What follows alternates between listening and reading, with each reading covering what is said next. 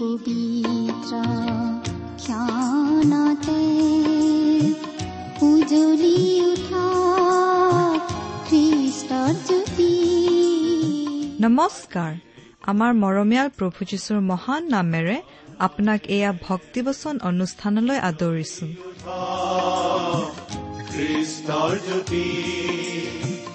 আকাশ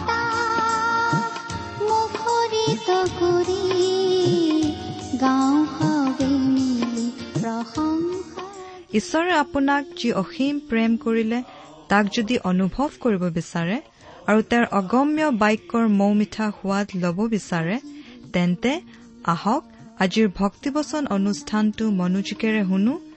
এয়া আপোনালৈ আগবঢ়াইছো ঈশ্বৰৰ জীৱন্ত বাক্যৰ অনুষ্ঠান ভক্তিবচন।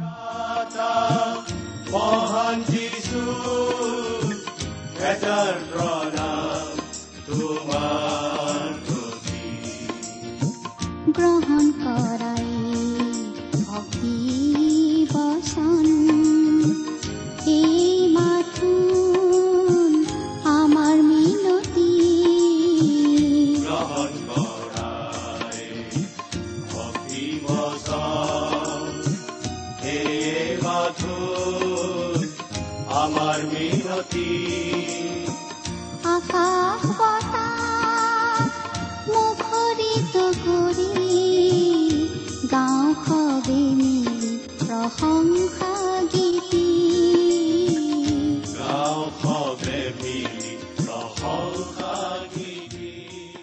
আমাৰ মহান ত্ৰাণকৰ্তা প্ৰভু যীশুখ্ৰীষ্টৰ নামত নমস্কাৰ প্ৰিয় শ্ৰোতা।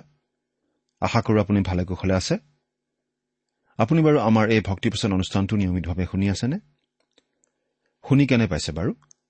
আপোনাৰ মতামত আদি জনাই আমালৈ চিঠি পত্ৰ লিখিবচোন। আমাৰ ঠিকনা ভক্তিবচন টি ডব্লিউ আৰ ইণ্ডিয়া ডাক বাকচ নম্বৰ সাত শূন্য গুৱাহাটী সাত আঠ এক শূন্য শূন্য এক। ভক্তিবচন T W R India postbox number seventy Guwahati seven eight one zero' zero' one আমাৰ website W W W dot radio' eight eight two dot com প্ৰিয় শ্ৰোতা আপুনি বাৰু আমাৰ এই ভক্তিবচন অনুষ্ঠানটো নিয়মিতভাৱে শুনি আছেনে যদিহে শুনি আছে তেনেহ'লে আপুনি নিশ্চয় জানে যে আমি যোৱা অনুষ্ঠানত এখন নতুন পুস্তক অধ্যয়নৰ বাবে হাতত লৈছো আৰু সেই পুস্তকখন হৈছে বাইবেলৰ পুৰণি নিয়ম খণ্ডৰ হবকুক ভাৱবাদীৰ পুস্তক। নহয়নে বাৰু? এই পুস্তকখনক আমি চমুকৈ হবকুক বুলিয়েই কওঁ। যোৱা অনুষ্ঠানত আমি এই হবকুক পুস্তকখনৰ এটা চমু পৰিচয় আগবঢ়াই এক নম্বৰ অধ্যায়ৰ এক নম্বৰ পদটো পাঠ কৰিছিলো। নহয়নে বাৰু? আজিৰ অনুষ্ঠানত আমি এই হবকুক পুস্তকখনৰ এক নম্বৰ অধ্যায়ৰ দুই নম্বৰ পদৰ পৰা আমাৰ আলোচনা আগবঢ়াই নিব খুজিছো। এই পুস্তকখন হৈছে এখন ভাৱবাণীমূলক পুস্তক। ভৱিষ্যতে ঘটিবলগীয়া কিছুমান কথা জনাই দিয়া হৈছে আৰু আজিও আমাৰ বাবে ইয়াত শিকিবলগীয়া অনেক কথা আছে। আহকচোন আজিৰ বাইবেল অধ্যয়ন আৰম্ভ কৰাৰ আগতে খন্তেক প্ৰাৰ্থনাত মূৰ্ণত কৰোঁ। আমি প্ৰাৰ্থনা কৰোঁ। স্বৰ্গত থকা মহান পিতৃ ঈশ্বৰ তোমাৰ মহান নামৰ ধন্যবাদ কৰোঁ। তুমি সৰ্বশক্তিমান সৰ্বব্যাপী সৰ্বজ্ঞানী ঈশ্বৰ। তুমি আমাক প্ৰেম কৰোতা ঈশ্বৰ। তুমি আমাক ইমানেই প্ৰেম কৰিলা যে আমাক উদ্ধাৰ কৰিবলৈ তোমাৰ একেজাত পুত্ৰ যীশুখ্ৰীষ্টকেই আমালৈ দান কৰিলা। তেওঁ ক্ৰুচত প্ৰাণ দি আমাৰ সকলোৰে পাপৰ প্ৰায়চিত্ৰ কৰিলে। আৰু তৃতীয় দিনা জি উঠি নিজৰ ঈশ্বৰত্বৰো প্ৰমাণ দিলে। আজি তেওঁত বিশ্বাস কৰি আমি পৰিত্ৰাণ লাভ কৰিব পাৰিছো। তোমাক পিতৃ বুলি মাতিব পাৰিছো। তাৰ বাবে তোমাক অশেষ ধন্যবাদ পিতা। এতিয়া আমি তোমাৰ মহান বাক্য বাইবেল শাস্ত্ৰ অধ্যয়ন কৰিবলৈ ওলাইছো। প্ৰাৰ্থনা কৰিছো তুমি আমাক তোমাৰ বাক্য বুজিবলৈ সহায় কৰা আমাৰ প্ৰতিজনৰ আগত নিজকে অধিককৈ প্ৰকাশ কৰা আমাৰ মৰমৰ শ্ৰোতাসকলৰ জীৱনত তোমাৰ আশীৰ্বাদ উপচি পৰিবলৈ দিয়া। কিয়নো এই প্ৰাৰ্থনা আমাৰ পাপৰ প্ৰায়চিত্ৰ কৰিবলৈ ক্ৰুচত প্ৰাণ দি তৃতীয় দিনা পুনৰ জি উঠি এতিয়া স্বৰ্গত আমাৰ বাবে নিবেদন কৰি থকা ত্ৰাণকৰ্তা প্ৰভু যীশুখ্ৰীষ্টৰ নামত আগবঢ়াইছো।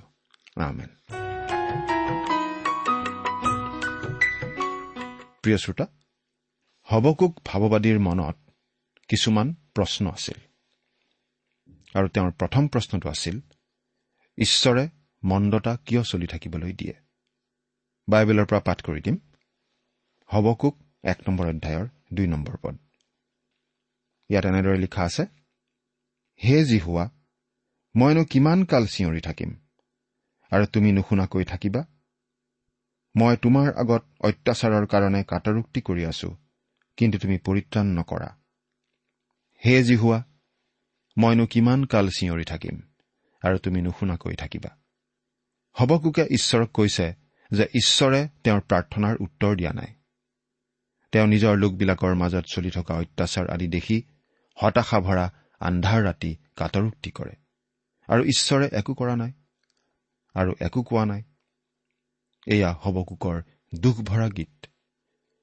কিন্তু আমি দেখিবলৈ পাম এই পুস্তকখনৰ সামৰণি পৰিব হবকুকৰ প্ৰশংসাৰ গীতেৰে আনন্দৰ মনোভাৱেৰে।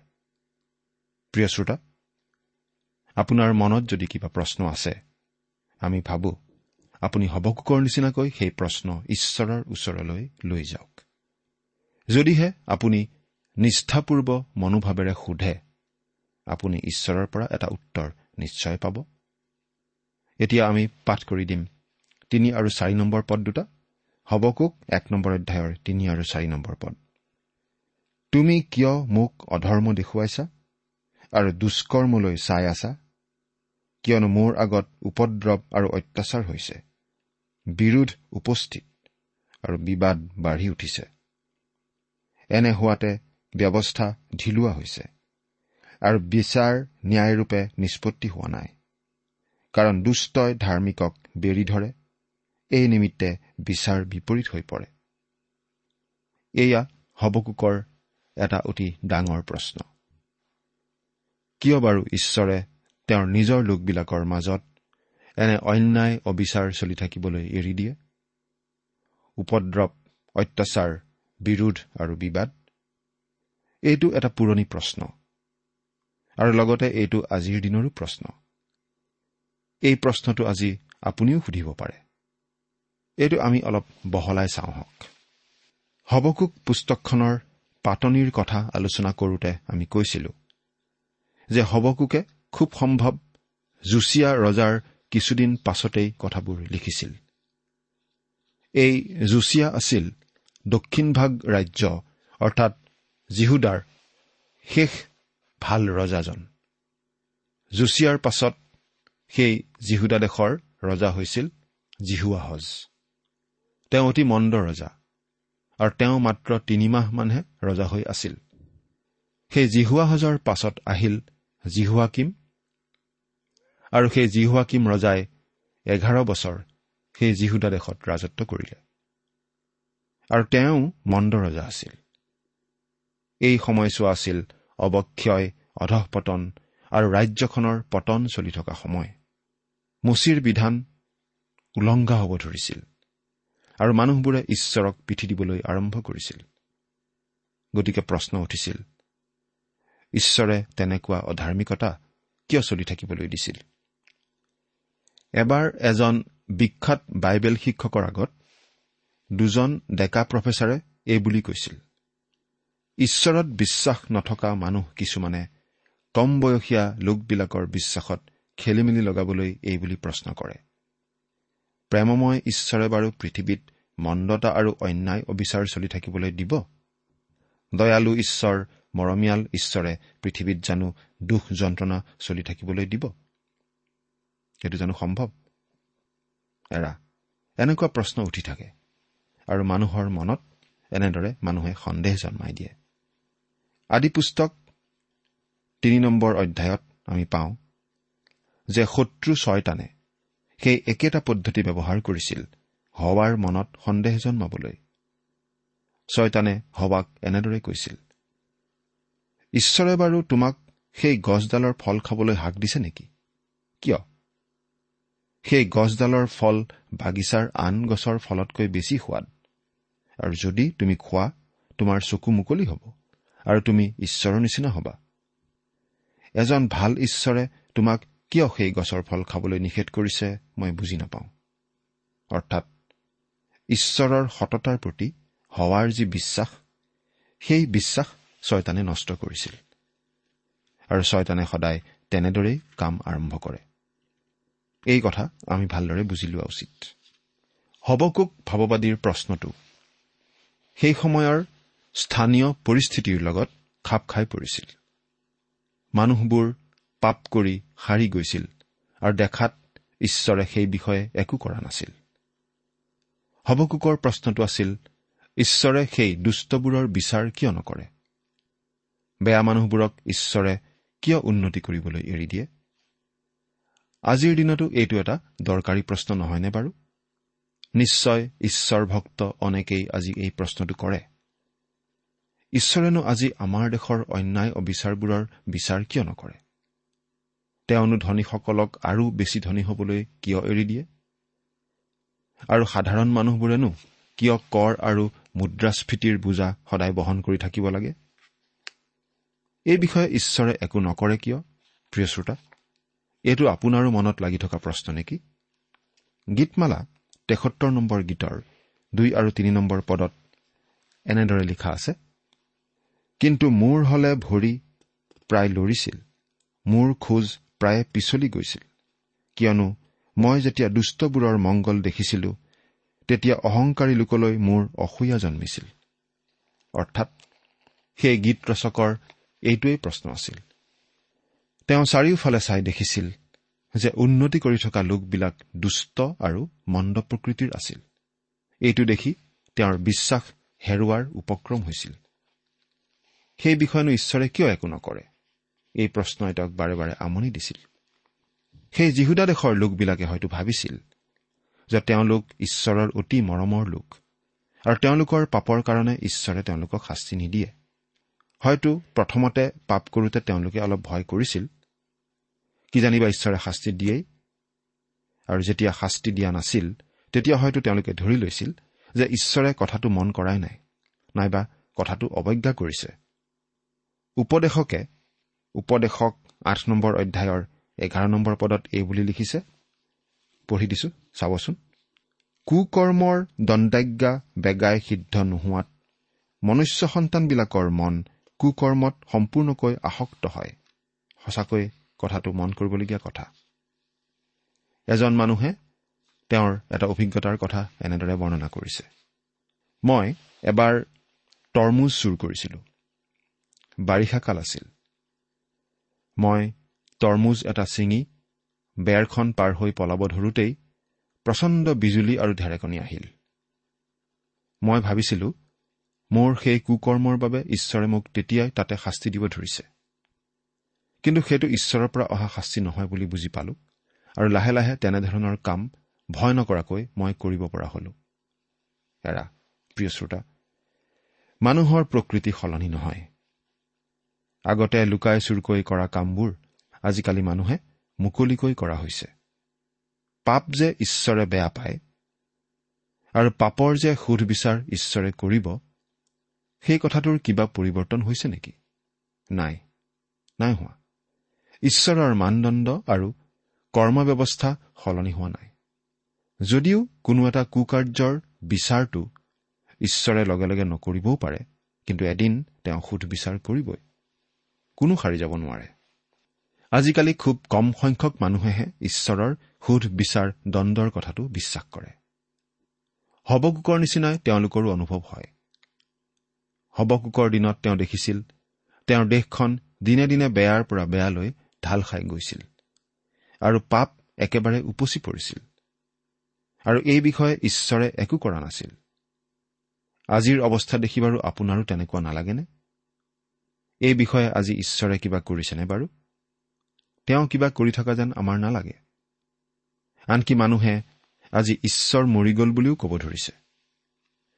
আৰু আনকি সেই কথাটো ঈশ্বৰে চলি থাকিবলৈ দিছে। তেনেকুৱা মানুহে আচলতে ক'ব খোজে যে কোনো ঈশ্বৰ নাই আৰু আগতেও নাছিল। তেনেকুৱা লোকে কি কাৰণে বাৰু এনে সিদ্ধান্ত ল'ব লগা হ'ল? কাৰণ আজি মানৱ জাতিৰ ঘটনাক্ৰমত ঈশ্বৰে হস্তক্ষেপ কৰা তেনেকুৱা মানুহবোৰে দেখা নাই। কিন্তু ঈশ্বৰে হস্তক্ষেপ কৰা নাইনে বাৰু? আজি মানুহৰ কাম কাজ আদিত ঈশ্বৰৰ কোনো নিয়ন্ত্ৰণ নাইনে বাৰু? ঈশ্বৰে বহুতো মানুহক অতি ধনী অৱস্থাৰ মাজত থাকিবলৈ এৰি দিয়ে। তেনে মানুহ অলপ বেপৰুৱা ধৰণৰো হৈ পৰে। আনকি ঈশ্বৰ বিশ্বাসী মানুহো তেনেকুৱা বেপৰুৱা হৈ পৰিব পাৰে। বহুতো দেশৰ আজি এইটো অৱস্থা। আৰু সেই দেশ তেনেদৰে কিমান দিন বৰ্তি থাকিব সেইটো নিশ্চয় চিন্তনীয় বিষয়। হবকুক অতি কোমল হৃদয়ৰ লোক আছিল। আৰু অন্যায় অবিচাৰ চলি থকা আৰু দিনে দিনে বাঢ়ি থকা দেখি তেওঁ বেয়া পাইছিল। নিৰপৰাধী মানুহক ভয় দেখুওৱা শোষণ কৰা আৰু দমন কৰা দেখি হবকুকে মনত বেয়া পাইছিল। তেওঁ সুধিছিল হে ঈশ্বৰ এই বিষয়ে তুমি একো নকৰা কিয়? ঈশ্বৰে হবকুকক উত্তৰ দিছিল আৰু যদি আপোনাৰো এইটোৱেই প্ৰশ্ন তেনেহলে আপোনাৰ বাবেও ঈশ্বৰৰ উত্তৰ আছে। এতিয়া আমি ঈশ্বৰৰ উত্তৰ চাম। ঈশ্বৰে কি উত্তৰ দিছে সেইটো চাম। পাঁচ নম্বৰ পদ তোমালোকে জাতিবিলাকলৈ চকু দি চোৱা আৰু অতিশয় আচৰিত মানা কিয়নো যি কাৰ্য তোমালোকৰ আগত প্ৰকাশ কৰিলেও তোমালোকে বিশ্বাস নকৰিবা এনে কাৰ্য মই তোমালোকৰ দিনত কৰিম। তোমালোকে জাতিবিলাকলৈ চকু দি চোৱা। অৰ্থাৎ ঈশ্বৰে হবকুকক চকু মেলি চাৰিওফালে চাবলৈ কৈছে। ঈশ্বৰে গোটেই পৃথিৱীত কি কৰি আছে চাবলৈ কৈছে। এটাৰ পাছত এটাকৈ ডাঙৰ ডাঙৰ দুৰ্যোগ আহি আছে গৈ আছে। উত্তৰত থকা বিশাল ওচৰীয়া সাম্ৰাজ্যৰ পতন ইতিমধ্যেই ঘটিছিল। সেই ওচৰীয়াবিলাকৰ ৰাজধানী নিনবী নগৰ সম্পূৰ্ণৰূপে ধ্বংস হৈছিল। ইউফ্ৰেটিছ নদীৰ পাৰত এখন সাম্ৰাজ্য গঢ়ি উঠিব ধৰিছিল। আৰু সেই সাম্ৰাজ্যখনে ইতিমধ্যে মিছৰ দেশক পৰাস্ত কৰিছিল। নবুখত নেচৰ আছিল তাৰ বিজেতা সেই দেশৰ নেতা। তেওঁই ইউফ্ৰেটিছ নদীৰ পাৰত বাবিলনক বিশ্ব শক্তি হিচাপে গঢ়ি তুলিব ধৰিছিল। ঈশ্বৰে হবকুকক কৈছে তোমাৰ চাৰিওপিনে থকা জাতিসমূহলৈ চোৱা। মই একো নকৰাকৈ বহি আছো বুলি তুমি ক'ব খোজা নেকি? মই দূৰৰ পৰা এই সৰু পৃথিৱীখন চাই এনেই বহি থকা নাই। মই ইয়াৰ লগত জড়িত হৈ আছো। ঈশ্বৰ আচলতে বাধ্য হৈ জড়িত নহয়। কোনেও একো কথা ঈশ্বৰৰ ওপৰত জোৰকৈ জাপি দিব নোৱাৰে। ঈশ্বৰেই এই বিশ্ব ব্ৰহ্মাণ্ডখন সৃষ্টি কৰিছে। এই বিশ্ব ব্ৰহ্মাণ্ডখন তেওঁৰ। আৰু এই বিশ্ব ব্ৰহ্মাণ্ডখন ঈশ্বৰে তেওঁৰ সাৰ্বভৌম ইচ্ছা আৰু কৰ্তৃত্বেৰে চলাই আছে। পাপৰ বিষয়েও তেওঁ কিবা এটা কৰি আছে। তেওঁ কৈছে তোমালোকে জাতিবিলাকলৈ চকু দি চোৱা আৰু অতিশয় আচৰিত মানা। কিয়নো যি কাৰ্য তোমালোকৰ আগত প্ৰকাশ কৰিলেও তোমালোকে বিশ্বাস নকৰিবা এনে কাৰ্য মই তোমালোকৰ দিনত কৰিম। অৰ্থাৎ ঈশ্বৰে কৈছে মই আচলতে কি কৰি আছো আৰু কৰিব ধৰিছো? সেই কথা যদি মই তোমাক কওঁ তুমি বিশ্বাস কৰিবলৈ টান পাবা।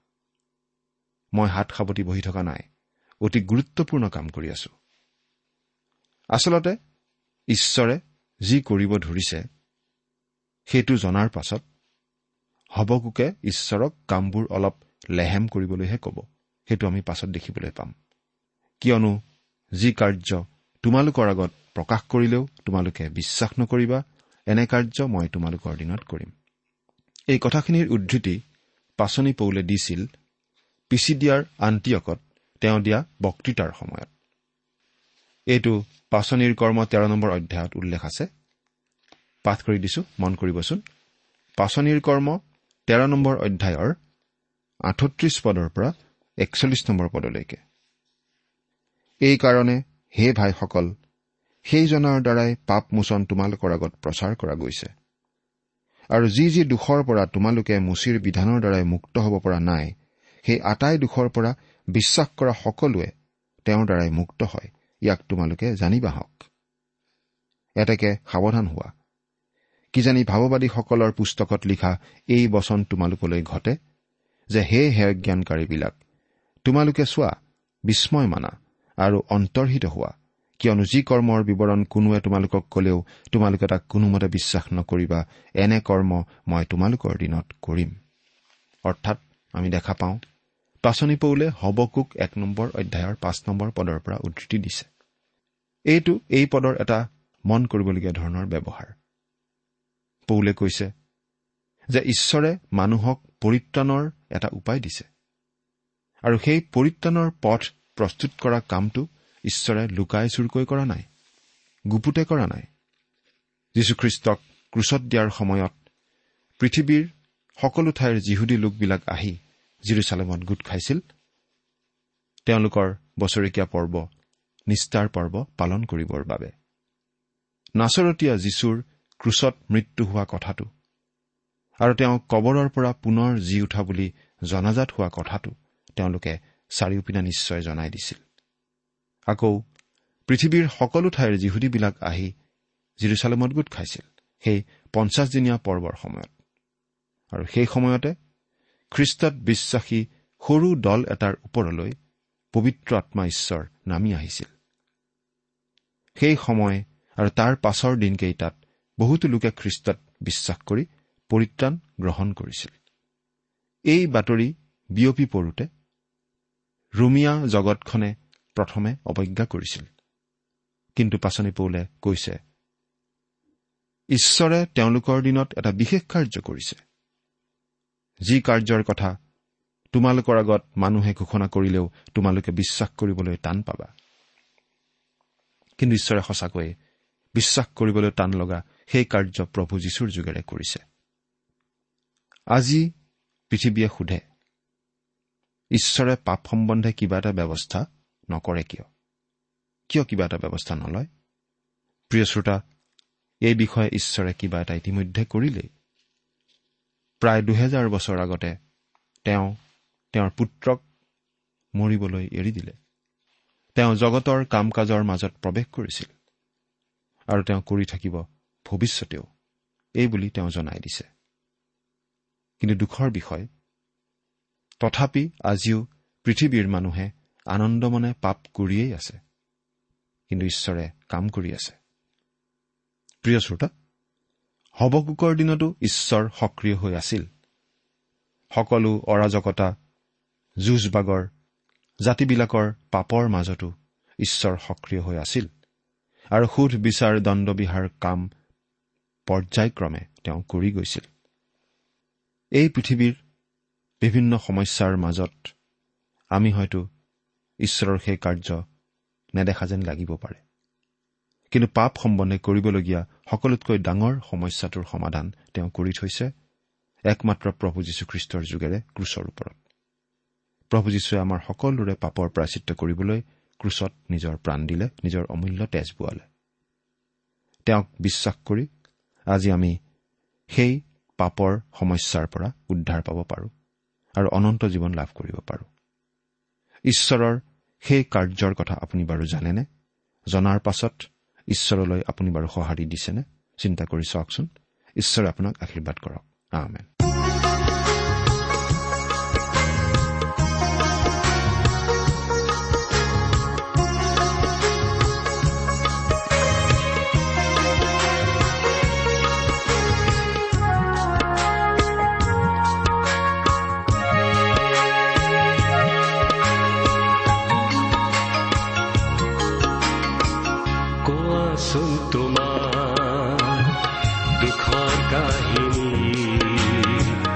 যিছু দিবৰি হিয়া পূজাৰী যিশুৱে শুনিব চকুলো মচি দিব নিশ্চয় তোমাক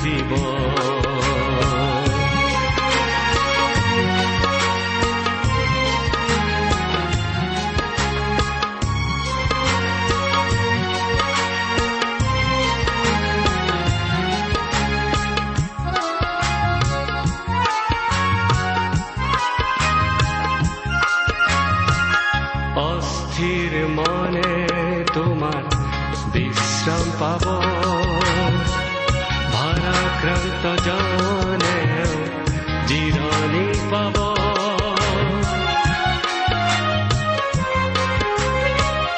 অস্থিৰ মনে তোমাৰ বিশ্ৰাম পাব। ভাৰাক্ৰান্ত জনেও জিৰণি পাব। যিচুৰ কাষলে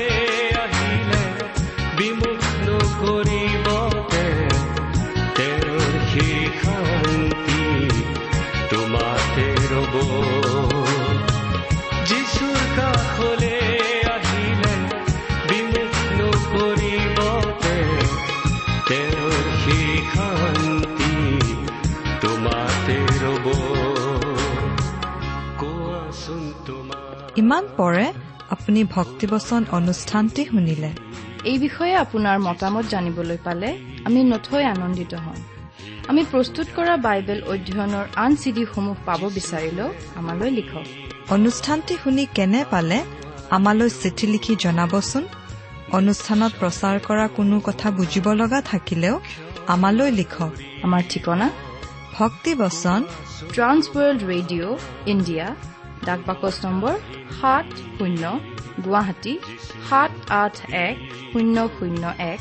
ঠিকনাটো আৰু এবাৰ কৈছো ভক্তিবচন ট্ৰান্স ৱৰ্ল্ড ৰেডিঅ' ইণ্ডিয়া ডাক বাকচ নম্বৰ সাত শূন্য গুৱাহাটী সাত আঠ এক শূন্য শূন্য এক। আমাৰ ইমেইল এড্ৰেছটো হৈছে S M T T B at the rate radio' eight eight two dot com আমাৰ website W W W dot T W R dot in আপুনি টেলিফোনৰ মাধ্যমেৰেও আমাক যোগাযোগ কৰিব পাৰে। আমাৰ টেলিফোন নম্বৰটো হৈছে শূন্য তিনি ছয় এক দুই ছয় শূন্য চাৰি ছয় সাত এক। ফোন নম্বৰটো আকৌ এবাৰ কৈছো zero' three six one two six zero' four six seven one আজিৰ অনুষ্ঠানটি ইমানতে সামৰিছো। ঈশ্বৰৰ শান্তি আৰু অনুগ্ৰহ আপোনাৰ লগত থাকক।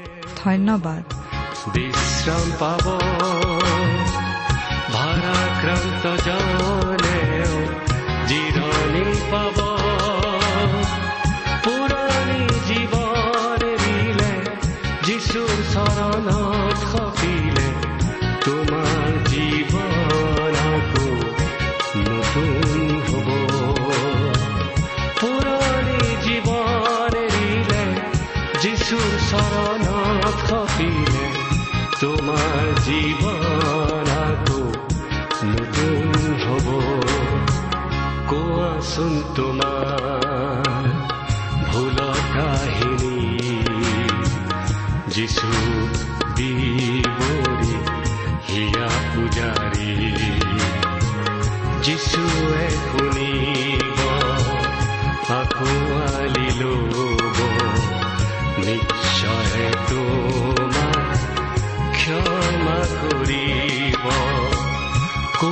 soy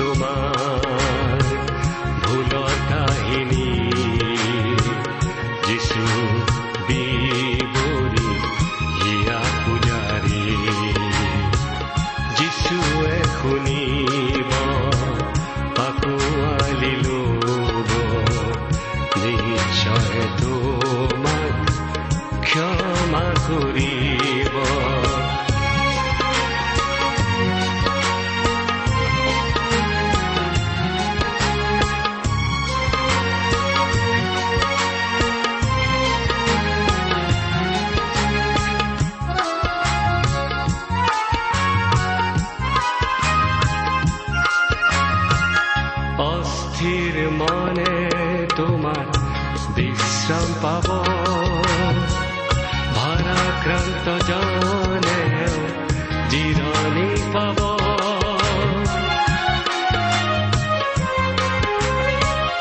অস্থিৰ মনে তোমাৰ বিশ্ৰাম পাব। ভাৰাক্ৰান্ত জনে জিৰণি পাব।